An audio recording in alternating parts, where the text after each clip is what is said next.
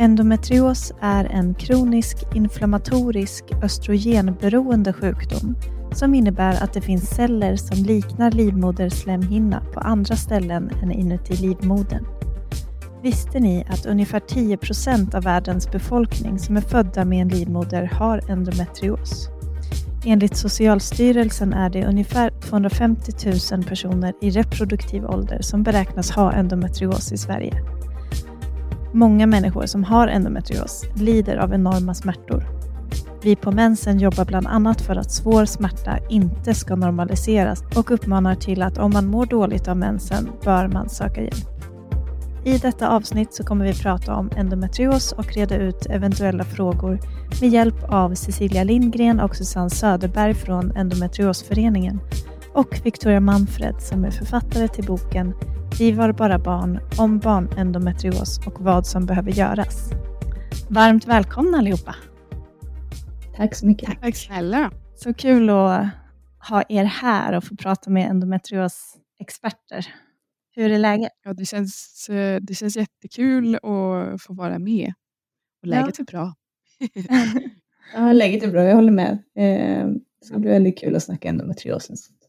Um, vi hoppar rakt in i uh, min första fråga.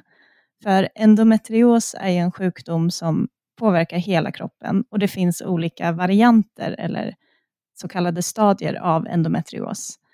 Den första, nummer ett, minimal, två, mild, tre, medel och fyra, svår.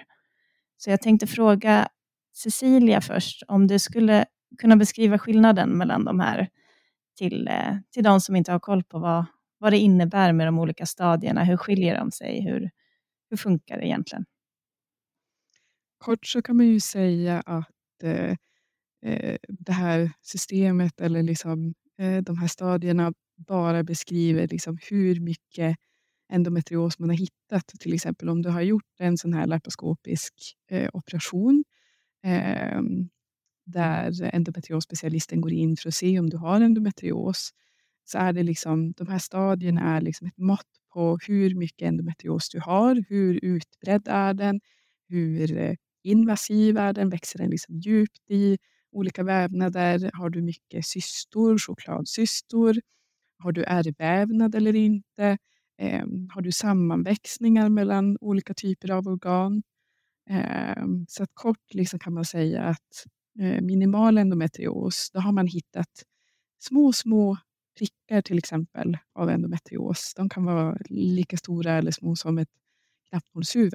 Mm. Då har du minimal endometrios och sen så ju fler fynd du gör, eh, desto liksom högre upp på skalan hamnar du egentligen?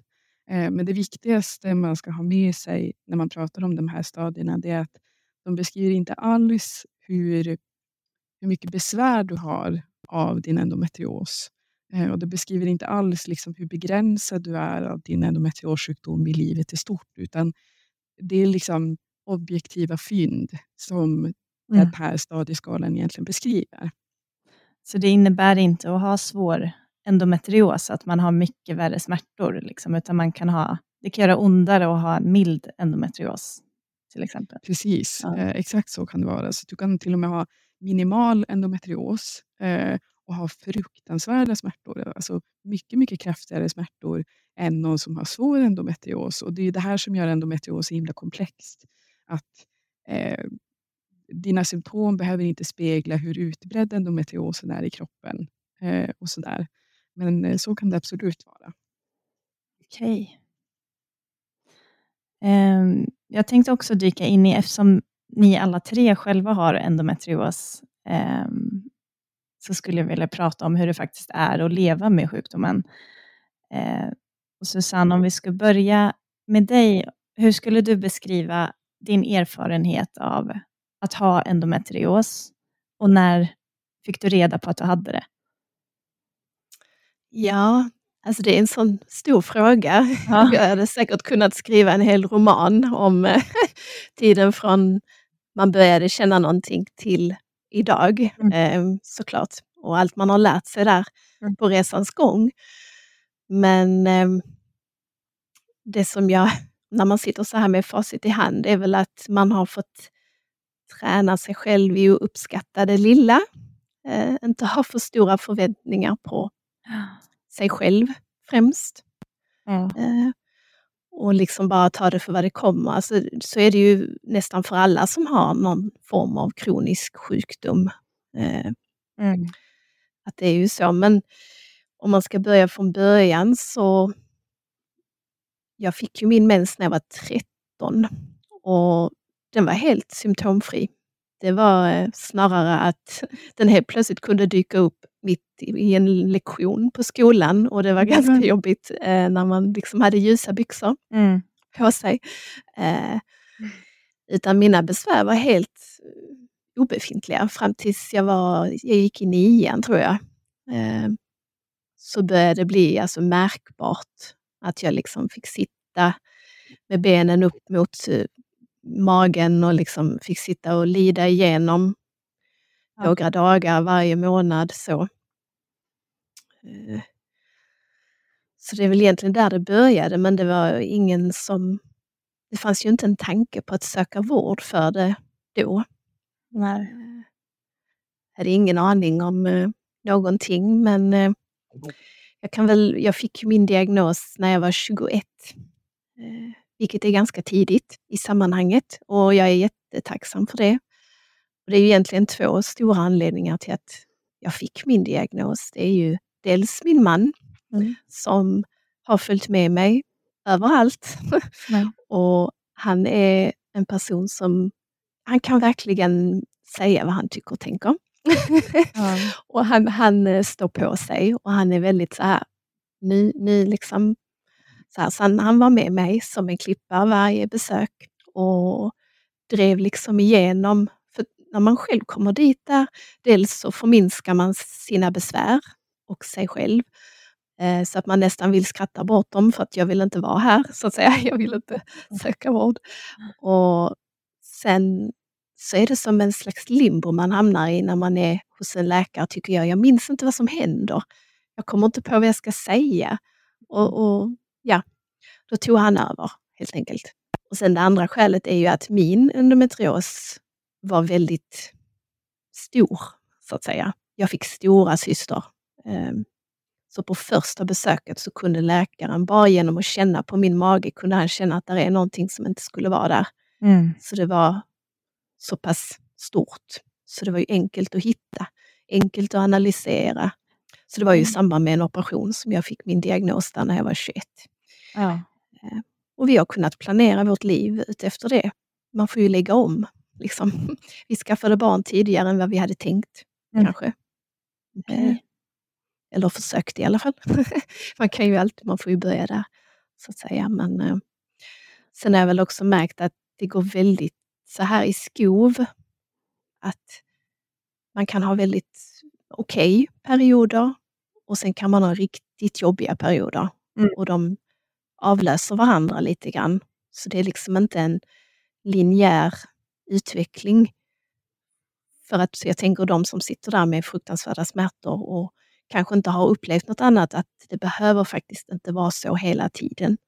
Eh, förhoppningsvis. Vi håller tummarna för det. Man lever på hoppet. Eh, men en annan sak som gör att man måste leva med det, det är ju kanske också en oro som man sitter med. Eh, oro att det ska bli värre. Oro att man ska behöva opereras igen.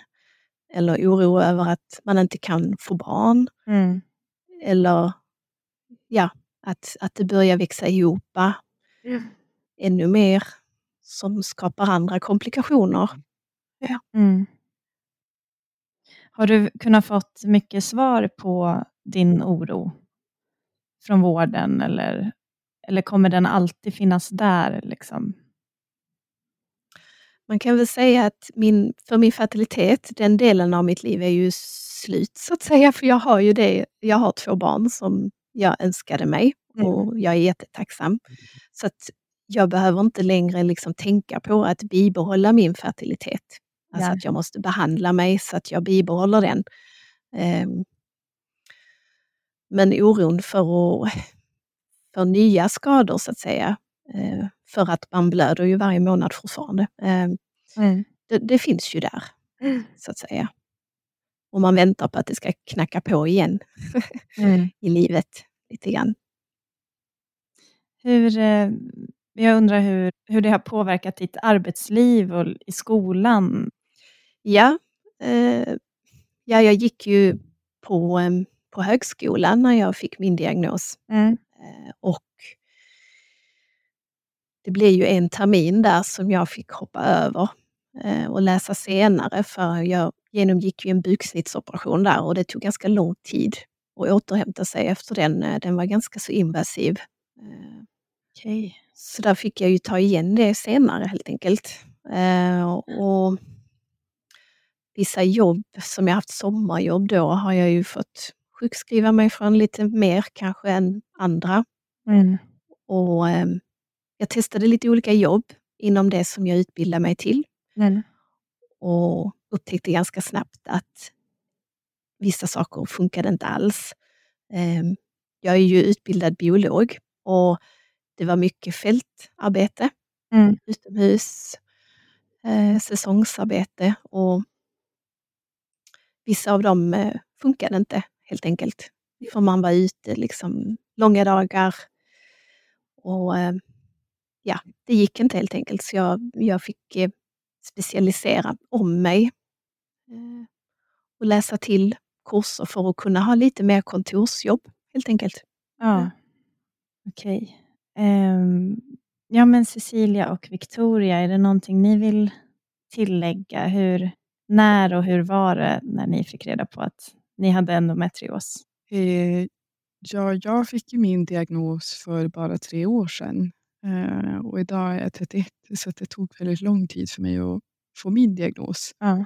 Jag har ju till skillnad då från Susanne så har jag minimalt eh, med endometrios. Jag har de här eh, små knappnålarna Mm. som har gett mig jätte, jättestora besvär. Och det började för mig egentligen eh, något år efter att jag hade fått min första mens. Jag började blöda eh, sådana mängder så att jag i princip hade konstanta anemier. Eh, och var så trött så att jag liksom inte klarade inte va- av att vara med på friidrottsträningar eller fotbollsträningar. Mm. Eh, Jag hade eh, ganska svårt att orka med skolan. Jag har minnen av att jag sov på eh, Mm. lektioner.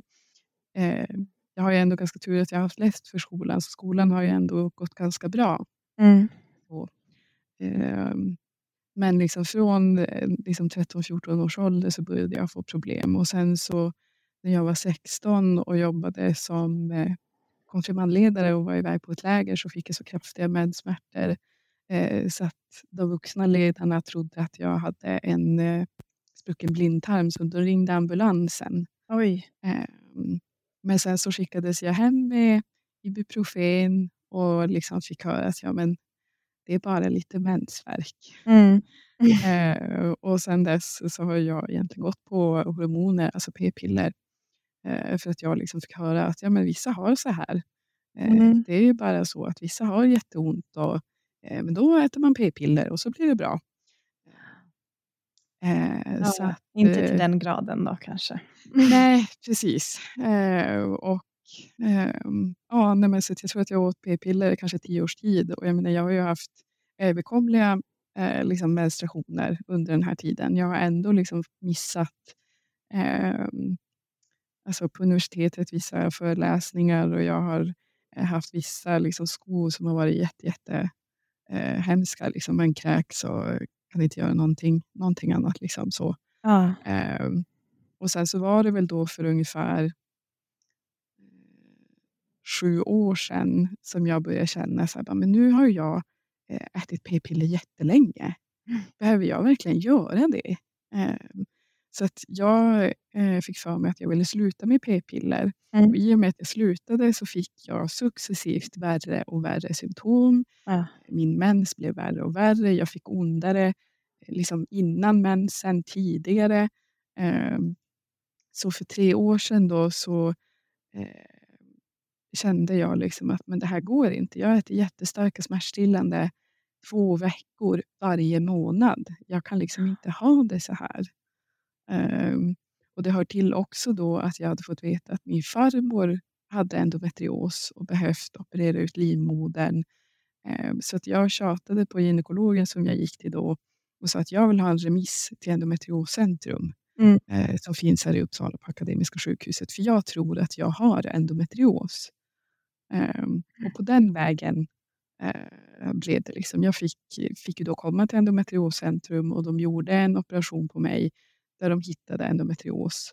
Ehm, men liksom vägen dit har ju varit väldigt, väldigt lång. Ehm, ja. Eh, och som så många andra endometriospatienter så får man ju lida väldigt länge i onödan och just det här som Susanne också sa att man, man nästan gaslightar sig själv. Att det här att, ja men har jag verkligen så här ont? För mm. att det ska ju vara normalt. Mm. Um, så att uh, jag är jättetacksam att jag fick en diagnos och efter det liksom har fått uh, adekvat hjälp. Ja. Så. Idag är jag ju sjukskriven på deltid. Mm. Dels på grund av endometriosen men också på grund av att jag är utmattad. Mm. Så att, ja, jag tänker ofta liksom att det hade kanske inte behövt liksom gå så långt. Konsekvenserna kanske inte hade behövt bli så stora eh, om jag hade fått en diagnos tidigare. Liksom. Nej. Tänker du att utmattningen handlar mycket om, det är kopplat till endometriosen? Absolut. Eh, det, det, är såklart flera faktorer eh, som, som spelar in. Liksom livet i stort och arbetssituation och liksom sådana saker. Men jag hade sådana kraftiga smärtor innan jag fick min operation och efter min operation. Um, så att uh, kroppen helt enkelt bara stängde av. Och det, är liksom, det har varit en lång väg tillbaka men nu är det tack och lov på väg att bli bättre så det är jätte, jätteskönt. Mm. men, men absolut, man blir trött av att ont och ha konstant inflammation i kroppen och liksom sådär. Så Eh, Victoria, hur har det varit för dig? Är det liknande erfarenhet? Eh, men jag kan delvis känna igen mig eh, ganska mycket, men jag eh, fick liksom min första förståelse om att något inte stod rätt till när jag var 22. Mm. Eh, men samtidigt så är det i efterhand så förstår jag nu att jag förmodligen hade ganska milda men ändå några tidiga symptom när jag var tonåring också eh, konstig ryggvärk som kom och gick. Ja, men det är liksom så små saker som man där och då inte kopplade till att det skulle vara något med mensen. Mm. Eh, men jag var precis samma sak för mig, att jag slutade med en hormonbehandling eh, och satte in en kopparspiral istället för jag ville vara hormonfri av andra anledningar. Liksom. Ja. Eh, och det triggade igång, eller om det hade gömt sig där bakom hormonerna. Ehm, Ja. Eh, jag saknar fortfarande diagnos fast jag har sökt aktiv hjälp i tio års tid.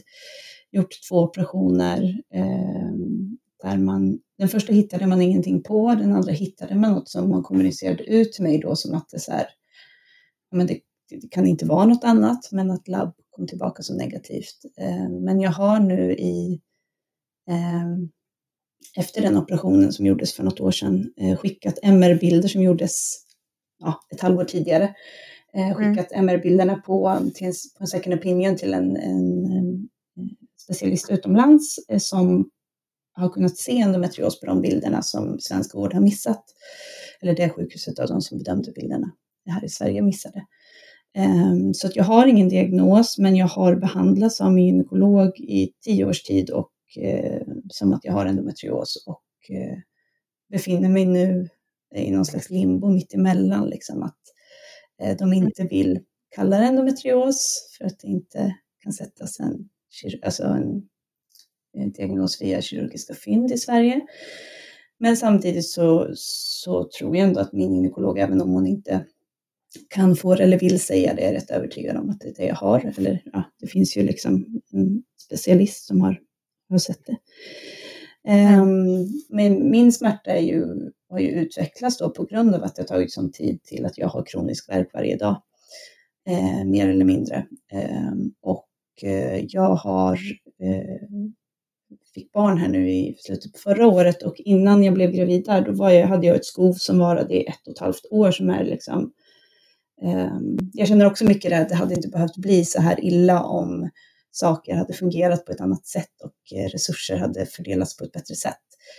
Nej. Ehm, Men det är eftersom man har ständigt ont så är ju jag också, precis som många i min bok har uttryckt, att man är liksom så ständigt redo. Man är alltid, eh, man kan aldrig riktigt slappna av för jag vet inte vad jag vaknar till för kropp imorgon eller vad, Mm. hur min kropp kommer må den här dagen. Man kan liksom känna sig helt okej när man vaknar och helt plötsligt så är det någonting som triggar igång eh, något. Jag tror också jag, jag har ganska mycket påverkan på mitt nervsystem och sådär med ökad smärtkänslighet och sådär. Så att eh, ja, eh, jag känner igen mig men jag är liksom inte i mål där diagnosmässigt, vilket ju är en Nej, det är tio års tid, det är länge liksom. Mm, Det är skrämmande att mm, det tar så lång tid.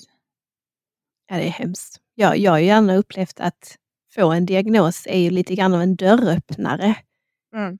in till, in till vården. Ja, och kanske också till ett bemötande som man inte eh, får. För det kan jag, jag har gått hos samma gynekolog i, inte tio år, men säg åtta kanske. Och hon är super liksom, gullig och så, det är, alltså, som person. Men jag Mm. upplever också sen, ehm, jag märker en skillnad i när hon, även om hon inte, alltså, jag tror att det, hon får liksom inte enligt sin klinik säga att hon tror att jag har endometrios, men jag märker en skillnad i ehm, i, i vad hon erbjuder för att det finns för lösningar eller i hur hon är. Eh, jag inte känner mig lika misstrodd längre liksom. Ja. Och den här gaslightingen som, som eh, förminskandet liksom, att det har minskat även om det såklart kan förekomma från andra delar av vården fortfarande. Hur, eh, vi har ju pratat om eh, ja, men smärtor och att eh, det är, blir utmattande och man blir såklart trött av det också. Vad skulle ni säga, vad är de symptomen som finns? Är det någonting vi inte har nämnt som man kan koppla till att jag har troligtvis endometrios?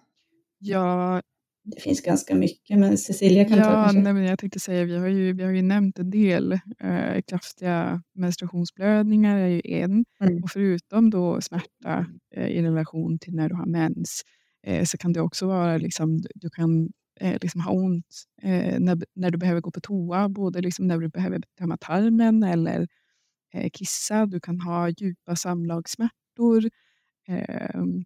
Ehm, jag har ju även eh, vaginism för att min bäckenbotten är liksom så, eh, vad ska man säga, eh, på G. Den är jätte, jätte, jättespänd på grund av de här kraftiga smärtorna som jag har haft. Så Vaginism, ja, det är att musklerna spänner sig och att det gör ont. precis. Eh, så då har man ju liksom ont på grund av det också. Ja, har jag missat någonting?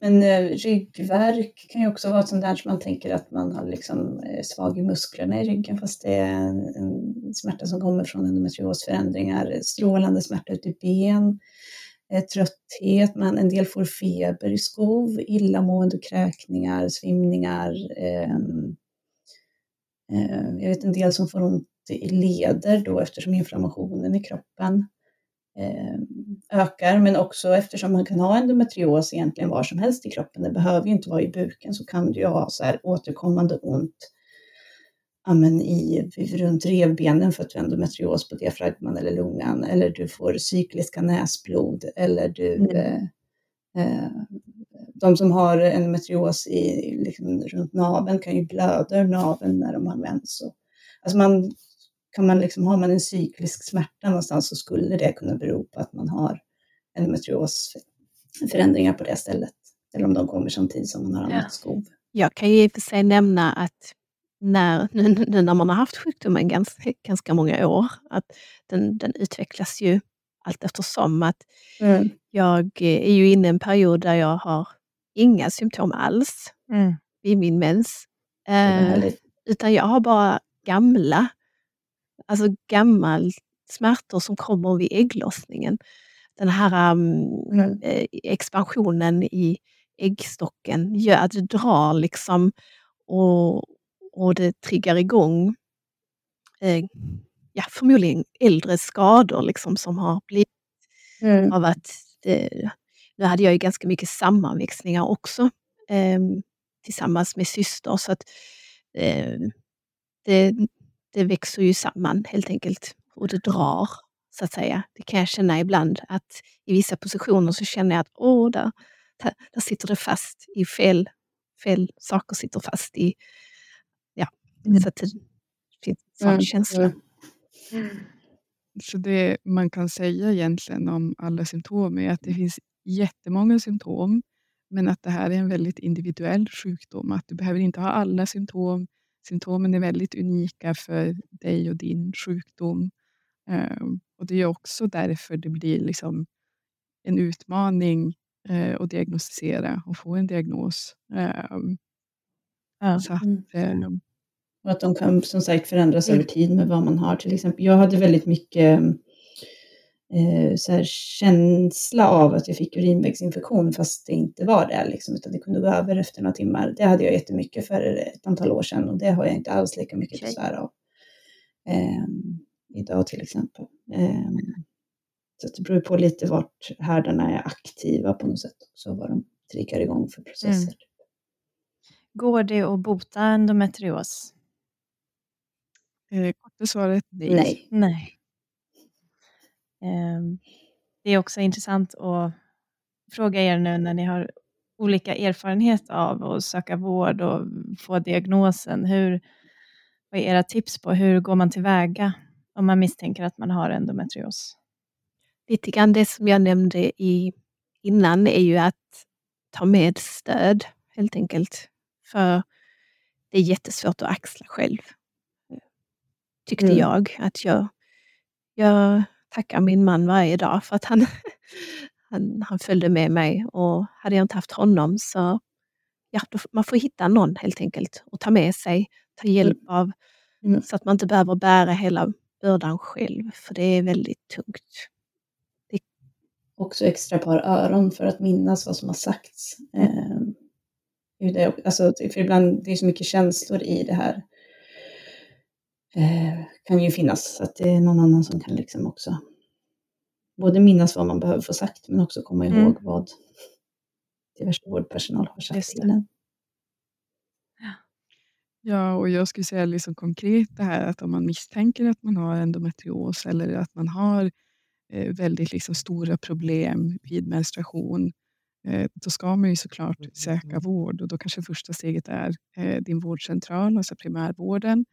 Eh, annars gå till en gynekologmottagning. Det finns ju både liksom, eh, via regioner men också eh, privata.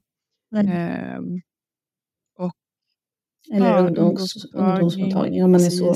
Mm. Eh, och sen finns det liksom ett, ett större sjukhus där man bor. Då kan man be att få bli remitterad. Om det finns ett endometrioscentrum eller liksom en eh, gyn, gynmottagning där. Um, så att det, finns, det finns ju eh, många liksom vårdinstanser där man kan söka hjälp. Mm. Eh, kompetensen varierar, eh, både mellan instanser men också liksom regionalt eh, och sådär. Så att träffar man inte rätt på första eh, vårdkontakten, då tycker jag att man ska söka sig vidare också. Eh, så att ja, det, det, kan ta lite tid innan man hamnar rätt. Men mm. eh, som Susanne och Victoria också säger, liksom, ha med sig en anhörig. Eh, och, eh, och inte ge upp då helt enkelt. Börja någonstans. Nej. Också vara beredd på, alltså gå in mentalt med att det kommer ta tid och gör det inte det Ehm, så är det bara en win liksom. Men, men alltså, jag tror att det viktigaste är att man själv är påläst. Eh, för att man kommer behöva vara, vara beredd på att eh, vara den som kanske kan mer än många av den, de vårdpersonal, personer inom vården som man möter. Ehm, och att det är viktigt att man eh, som drabbad eller anhörig eller vårdnadshavare Eh, är påläst, dels för att veta vilken vård man har rätt till och vad för typer av behandlingar det finns och liksom hur endometrios fungerar så att man inte blir överkörd eller får liksom utdaterad fakta presenterad för sig som man då liksom eh, köper helt blint för att man mm. eh, vill tro på vården och det är så, så vårt samhälle fungerar. Eh, men också för att man ska kunna vara delaktig i att ta beslut och liksom att vården av ens besvär ska gå liksom i rätt riktning. Ehm, och inte alltid kanske i just fallet med endometrios lita blint på allt som står på 1177. Nej. Kan säga. Det finns lite ja, men det, apropå det eh, så var det ju intressant när jag skulle skriva mitt manus och min inledning så tog jag en del information därifrån eh, kring liksom, vad handlar det om egentligen, att det är celler som liknar livmoderslemhinna men där stod det att det är livmoderslemhinna eller celler som liknar livmoderslemhinna som sitter någon annanstans än innanför, inuti livmodern.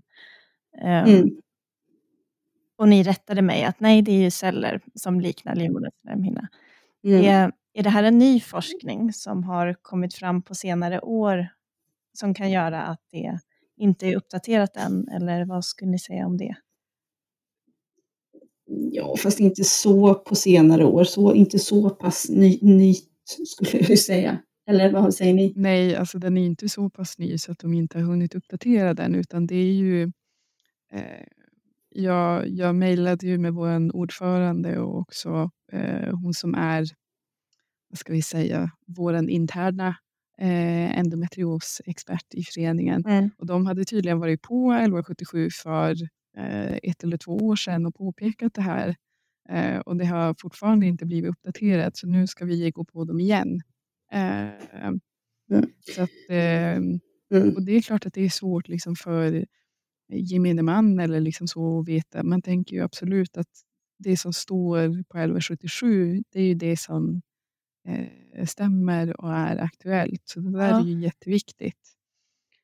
Man litar väldigt starkt på informationen där. Absolut. Ja, men precis. Eh, ja, nej men precis. Och jag vet faktiskt inte varför eh, så många delar, det är ju liksom inte alla inom svensk eh, endometriosvård och så som, som håller fast vid det här, men det är ju, jag vet inte vad den liksom, vad det beror på, att man har svårt att släppa den Samsons teori som det, det här bygger på då, att det skulle bero på retrograd menstruation, alltså att mensen tar sig ut i buken via äggledarna. Och att det av någon anledning är så att vi inte skulle kunna bryta ner de här cellerna och då skapas mm. endometrios. Ehm, även fast det då har visat sig att endometrios består av andra celler som liksom försöker efterlikna de här cellerna från livmoderslemhinnan. Ehm, men av någon anledning så, så vill man inte riktigt släppa det här i Sverige fast man har gjort det. Jag på, tror ju ja. eh, dels att eh, det är för att det inte finns tillräckligt mycket liksom, forskning. Mm. Och då menar jag eh, svensk forskning bland annat. Eh, så mm. Eh, där ligger vi ju väldigt efter eh, och behöver mm. forska mer. Så att innan det liksom kan bli allmänt eh, liksom vedertaget så behövs det finnas eh, medicinska studier som eh, bekräftar andra teorier och så. Så att eh, innan, vad ska man säga, eh, den svenska forskarkåren kan bekräfta eh, en annan teori eller andra teorier så kommer man ju liksom hålla kvar. Och det är ju liksom, det är så det funkar. Det är lite skadligt. Absolut. men, men det är också så det funkar. Så att det, eh, mm. Men det finns ju, det finns ju studier eh, runt om i världen som, som stödjer andra teorier. Och, och liksom så där. Så att, mm. eh, ja. men, men det är en utmaning, det är absolut. Mm. Ja. Cecilia och Susanne, vad var starten på ert arbete kring endometrios? Varför vill ni jobba med det här? Eh, kort så kan man ju säga liksom att vi, vi står ju på liksom tre grundpelare och det, det ena är att stödja, det andra är att liksom, eh, informera och den tredje eh, att påverka. Så först och främst så är vi ju en ideell patientförening. Vi finns där för våra medlemmar eh, och anhöriga till våra medlemmar. De som är medlemmar är ju eh, själva endometriospatienter. Så att vi bjuder in liksom till föreläsningar eh, och, och andra saker. Eh, erbjuder information och sådär. Eh, så att eh, mm. själv så tycker jag liksom att det viktigaste för mig liksom att vara, dels vara medlem och arbeta med endometriosföreningen är, är den här starka känslan av eh, att man inte är ensam. Ja. Eh, så det är verkligen någonting som vi som förening, eh, vad ska man säga, eh, bidrar med. Mm. Eh, just en, liksom, en gemenskap i en sjukdom som kan, som kan vara väldigt ensam. Mm. Och sen det här då att vi vill ju eh, informera och öka kunskapen eh, om sjukdomen. Därför är vi jättetacksamma att vi får det här idag mm. och prata med er. Det är jättekul. Um, och allmänt, liksom, vi vill ju att allmänheten i stort ska få mer kunskap. Eh, att även liksom, beslutsfattare ska veta vad endometrios är och att eh, sjukvården ska öka sin kompetens. Ja. För det är ju något som vi ser eh, behövs idag. Och sen det här med att påverka. Vi är ju väldigt aktiva eh, i att försöka påverka så att eh, vi som endometriospatienter ska få en adekvat vård. Vi var till exempel med, eh, med när vi tog fram de nationella riktlinjerna för endometrios. Ehm, och vi jobbar på flera andra plan. Ehm, jag är med i en grupp där vi arbetar med att ta fram ett regeringsunderlag i vad det finns för behov för forskning kring kvinnosjukdomar mm. och kvinnohälsa. Där vill vi ju att endometrios ska vara liksom en självklar del. Um, ja. Så det finns, det finns många delar, men det, vi gör jättemycket och vi har ju funnits i sedan 89 tror jag. Ja. Uh, så att uh, en stabil förening. Ja, det är verkligen det. Man ska kontakta er om man undrar någonting eller vill lära sig mer om endometrios. Absolut. Jag kan ju tillägga att jag har varit med ganska länge för den här operationen jag gjorde när jag var 21 år. Då, eh, mm. När den läkaren skrev ut mig från sjukhuset efter en vecka så, så sa han ju till mig att jag skulle gå hem och bli gravid och sen så, och så skulle jag ta kontakt med patientföreningen, för det fanns en sådan. Så det mm. var ju faktiskt något bra jag fick från honom. Eh, så det gjorde jag ju när jag kom hem. Och, men en sån sak tar ju lite tid att smälta också. Alltså, det var ju ganska mm. så chockartat. Och, mm. eh, men jag gick med och började läsa på själv och man hittade den här gemenskapen i det. Man kände sig inte så ensam längre. Och jag satte igång genast med att ha medlemsträffar här, där jag bodde då. Och fick hjälp med det arbetet mm. från föreningen och upptäckte då också hur få personer det är som håller ihop allting. Så det är ja. verkligen ett, ett fantastiskt jobb alla gör i föreningen som lägger sina, sin fritid på det. Mm. Det upplever jag ju också. Jag är ju till skillnad från dig då Susanne, så är jag ganska ny då i, i föreningen och jag har ju börjat engagera mig ganska nyligt. Och eh, det jag slås av är ju alla de här eldsjälarna eh, som verkligen, som du säger, lägger ner tid på sin fritid eh, helt ideellt för att liksom eh, skapa den här gemenskapen och gå ut och informera och liksom kämpa för att vi ska få det bättre. Vi ska få en bättre vård, vi ska få tidigare diagnos och eh, det är jätteinspirerande eh, att få vara del i det. Ehm, ja, verkligen ehm, talande det ni pratar om en gemenskap, att man ehm, kan få också så olika eh, bemötande inom vården och när man faktiskt söker hjälp så är det så viktigt att liksom hitta en gemenskap tillsammans och lära sig av varandra. För det är väldigt många som har endometrios. Att man ska ju inte behöva känna sig ensam. Nej, verkligen inte.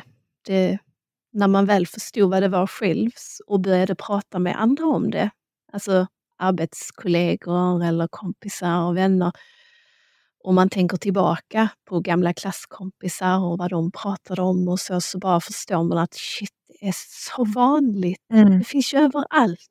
Mm.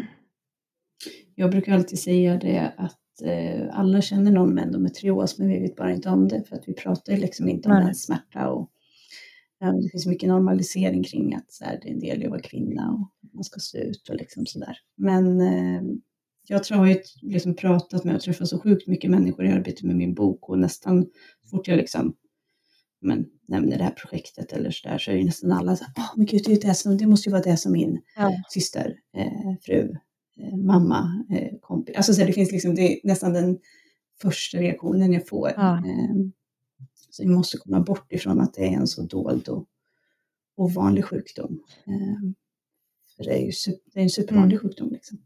Och jag fastnade också på, eh, på er endometriosföreningens hemsida så skriver ni att det är en samhällsekonomisk sjukdom. Kan ni förklara lite kort, vad, vad menar ni med detta? Vad innebär det?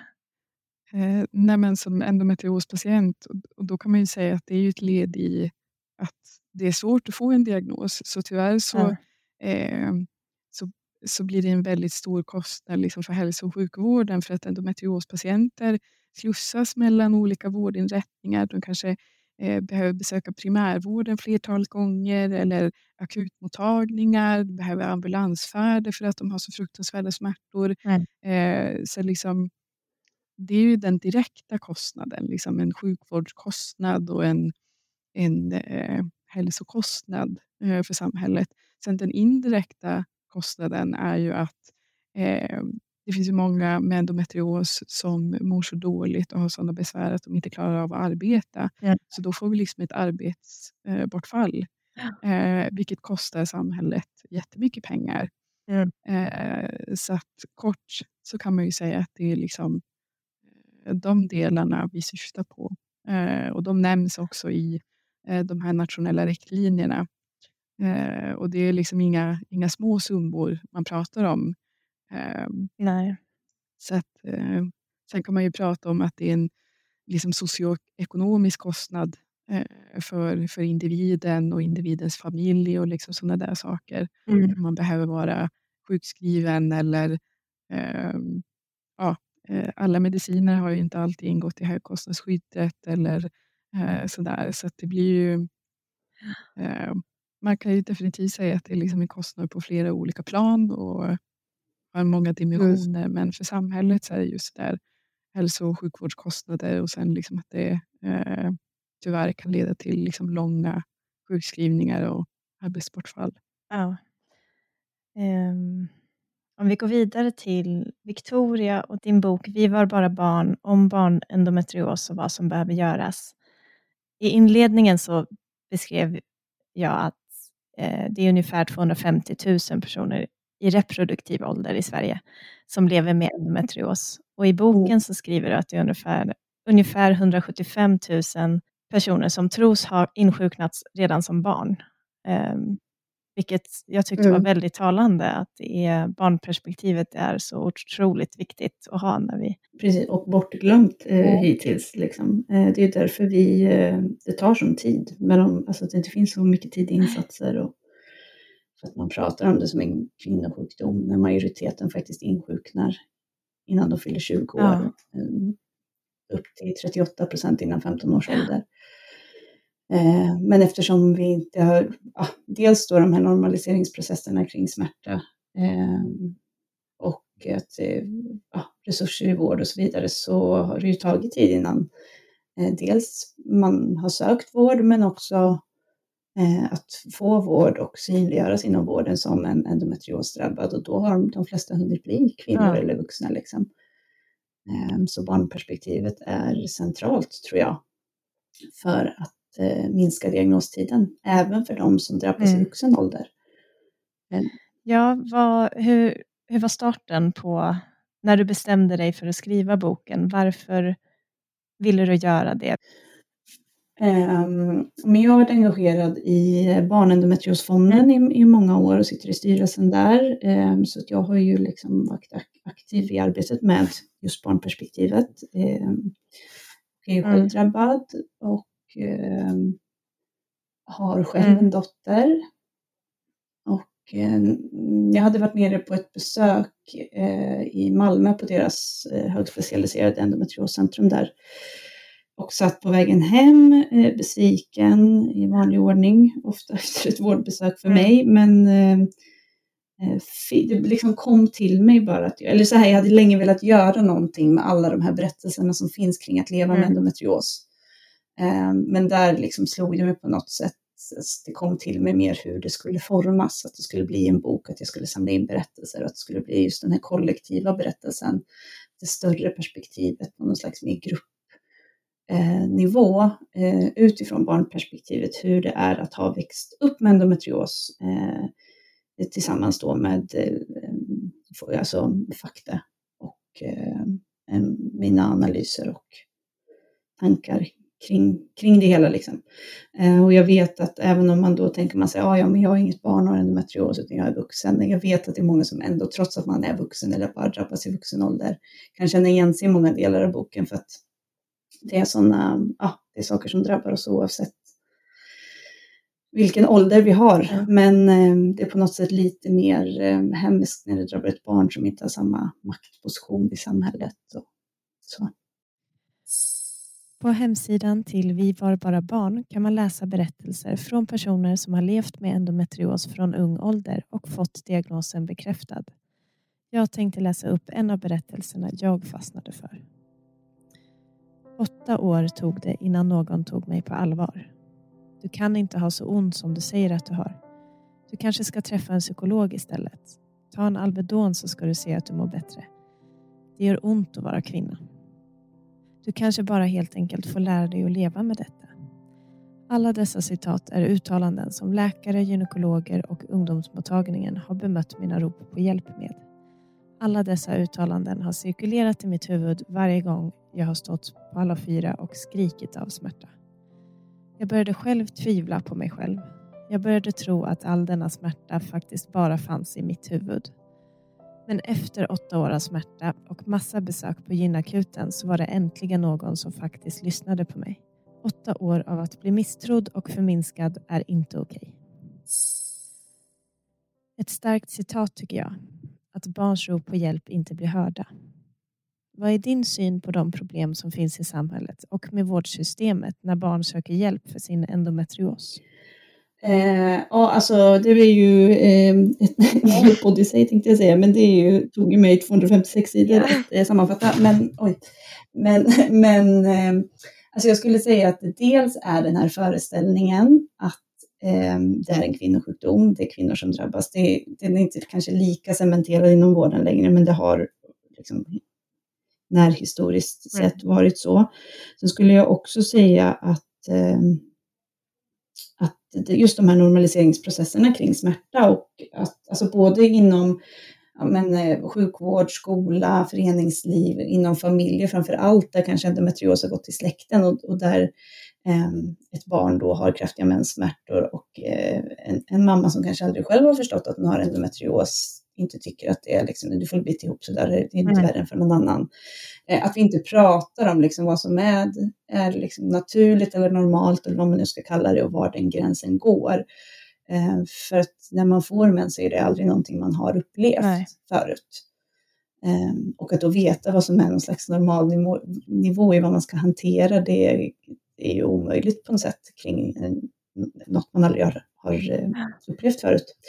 Eh, så dels, eh, dels det, men sen tror jag också det handlar mycket om att vi inte har lyssnat på barn och jag hoppas att det ska bli bättre med tiden i och med att barnkonventionen har blivit lag, för att nu måste alla instanser i samhället göra det på ett annat sätt. Och jag lyfter tolv paragrafer i min bok som det bryts mot eller riskerar att brytas emot som en följd av att man ja, men kanske inte lyssnar på barnets, liksom, eh, ja, barnets perspektiv eller vad det nu kan vara. Eh, att det finns risk att då bryter man mot andra paragrafer i konventionen.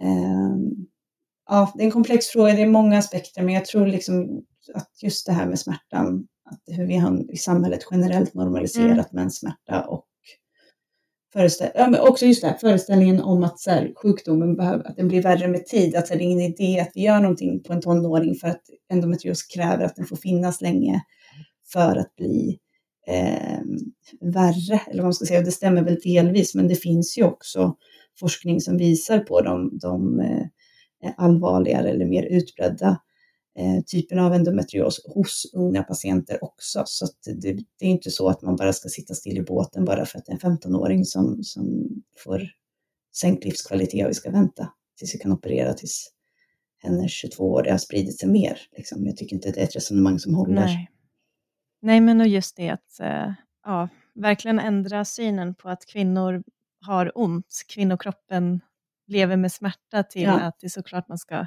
söka hjälp om man har enorma smärtor eller liksom när det är någonting som känns fel. Så. Mm. Um, om, man har, om man själv har ett barn eller ett syskon som är ett barn som tror att den har endometrios eller får diagnosen, hur, hur kan man som anhörig hjälpa till på bästa sätt? Eh, ja, dels så tycker jag ju om, man, om den här, det här barnet då beroende på ålder vill, att man följer med på, på vårdbesök för att det finns ju dels den här hierarkin patient eh, läkare då, liksom, i kunskapsnivå men också mm. då vuxenbarn. Det är inte lika lätt kanske att stå på sig när man är 13 eller 15 eller vad man nu är. Um, men också det här att man som anhörig läser på. Um, ja, men till exempel Endometriosföreningens hemsida, Barnendometriosfondens hemsida, finns det massor bra tips kring just utifrån ett föräldraperspektiv. Um, min bok såklart, det är därför jag skrivit den delvis. Mm. Um, men också tror jag det viktigaste man kan göra som anhörig till ett barn med endometrios är att tro på den här personen oavsett vad. För att den, alltså barnet kommer möta så mycket människor genom sitt liv som inte gör det och då vill du inte vara en av dem som liksom har förminskat eller gaslightat de här erfarenheterna och upplevelserna utan du vill vara den här personen som, som barnet alltid eh, vet tar eh, sjukdomen på allvar. Eh, för det kommer finnas så många andra som håller på att förminska det eh, och det tror jag är också en av de viktigaste grejerna liksom i att få barnet att själv orka till slut eh, stå på sig om det tar tid mm. att få hjälp. Ja, jättefint att tro på, tro på sig själv och tro på sina barn och tro på sina syskon och vänner. Mm. Mm. Så oerhört viktigt. Um, jag tänkte fråga, eh, ställa en fråga till er alla. När ni, vi har ju pratat redan om att det finns väldigt mycket att liksom öka kunskapen kring, kring endometrios i samhället. Men om ni ska välja en eller några saker. Vad, vad vill ni upplysa samhället om idag kring endometrios? Det är ju jättesvårt. Ja. det var en stor fråga. Jag vill ju att alla ja. ska kunna allt. Ja. ja, men det vill man ju. Så är det ju. Men det viktigaste för mig är väl liksom att man ska veta att det existerar, att det finns. Mm. För att tyvärr så är det ju jättemånga idag som inte ens vet vad endometrios är. Det har blivit mycket, mycket bättre. Men, men eh, det för mig är ju det viktigaste, liksom att eh, man allmänt liksom vet att ah, men endometrios, det är lika självklart att man vet vad det är som att man vet vad diabetes är eller eh, mm. reumatism eller hjärt och kärlsjukdomar. Mm. Eh, för att det, det är så många som lider av den här sjukdomen. Eh, så det är ju, eh, och det kommer ju i sin tur då få massa ringar på vattnet. Eh, om, om den liksom allmänna kunskapen finns. Så att, ja, jag skulle nog säga att det är det. Mm. Jag skulle säga kanske två saker och det ena är just att barn drabbas i större utsträckning än vad man kanske tidigare har har trott eller så, eller i alla fall var att ja, det är inte ovanligt att barn drabbas. Men också att det inte, alltså det är klart att endometrios är kopplad till mensen för att endometrioscellerna följer menscykeln, men det har liksom inte med mensen att göra. Det är inte mensens fel, det är inte livmoderns fel, det är inte dina, dina eh, reproduktiva organ som det är fel på, utan de är eh, utnyttjas av de här eh, mm. cellerna. Eh, och kan vi komma ifrån den här liksom, eh, besattheten till hur kopplat det är till mensen och menscykeln så tror jag att vi också kan börja se på sjukdomen på ett annat sätt, prata om den på ett annat sätt och komma bort från de tabu som är kopplat till mens. Liksom. Ehm, för att även om man stoppar upp sin, sin mens med hormoner så har ju endometrioscellerna kapacitet i vissa fall, inte hos alla, men att producera sitt eget östrogen till exempel, vilket gör ju att de kan ju, eh, de behöver ju inte, de behöver inte stoppas upp liksom, nödvändigtvis, även om det inte händer alla. Men eh, ja, jag tror att vi behöver liksom särkoppla endometriossmärta lite från, från mens på ett sätt för att kunna vidga förståelsen av sjukdomen. Och eh, ja, jag skulle, i och med att jag har ganska mycket kontakter med eh, journalister och så här. Och, mm. eh, jag, jag brukar allmänt tycka att om man bara börjar prata om eh, nu vill du särkoppla mensen från endometrios, men jag, jag brukar ändå vilja uppmana att man faktiskt pratar om menscykeln med andra människor. Absolut. Liksom att, att, Absolut. Mm, för det är ju då man inser att, nej men oj, har du det så? Mm. Nej men så, alltså, eh, det är just det här normaliseringsbegreppet, att vissa har kanske en extremt mm. skev bild av vad som är normalt kring alltså hela eh, menscykeln då, så att säga. Inte bara själva mensen utan mm. allting annat runt omkring den också. För det är ju, det styr oss om vi vill eller ej, liksom. Mm. så många mm. saker. Och hade man bara kunnat vara lite mer öppen i samhället och kunna prata om sådana här saker utan att det blir en slags skamlapp på en. Eh, mm. Så hade, tror jag nog att det hade motverkat ganska många missförstånd och ökat kunskapen också. Det hade mm. varit min uh, utopi, känner jag. Att liksom, man kan gå till jobbet och bara säga Åh, gud vad mycket mens jag har idag. Gud vad jobbigt. Men det gör mm. man ju inte. Nej. Eh, utan man går där i sin egen lilla bubbla lite grann och känner att ja. Sen, sen självklart så måste man ju respektera var och ens integritet och vilken nivå man vill lägga det på. Men, mm. men man hade önskat att det inte var så spektakulärt utan bara någonting i ens vardag, vilket det är ju. Mm. Som man får mm. planera utifrån. Liksom. Det, är som, det finns så många som har mens på en arbetsplats och då är det såklart att det kanske behövs eh, pauser lite oftare än icke-menstruerande personer behöver för att hinna gå på toaletten eller liksom bara sådana små grejer som borde vara en självklarhet mm. har jag upplevt inte är det. Eh, och då speciellt kring endometrios om, om ens egen arbetsplats eller skola hade haft mer kunskap så skulle det nog underlätta väldigt mycket för många. Många människor. Mm, jo men precis. Jag har ju varit på vissa arbetsplatser som varit ganska så mansdominerade och där har man ju knappt ens vågat nämna någonting om PMS eller mm. ägglossningssmärta eller någonting annat. Eh, säger man att man har PMS så då är det ju helt plötsligt, ja det betyder ju någonting helt annat för någon annan. Mm. Eh, Mm. Så. Jag skulle vilja ställa en sista fråga.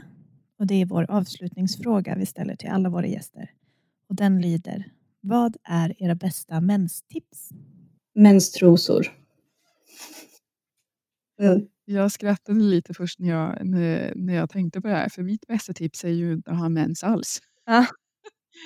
det är också ett toppentips tycker jag. Men om man nu liksom, jag har ju ändå haft mens eh, större delen av liv. Eh, och mitt bästa tips är ju att vara snäll med sig själv. Mm. Eh, för att eh, har man då liksom endometrios och, och som jag har gått eh, större delen av mitt eh, alltså tonårsliv och vuxna liv utan att veta det så är det lätt att man klackar ner på sig själv och tänker att men varför orkar alla andra och inte jag. Varför måste jag ligga här under täcket? Liksom? Ehm, mm.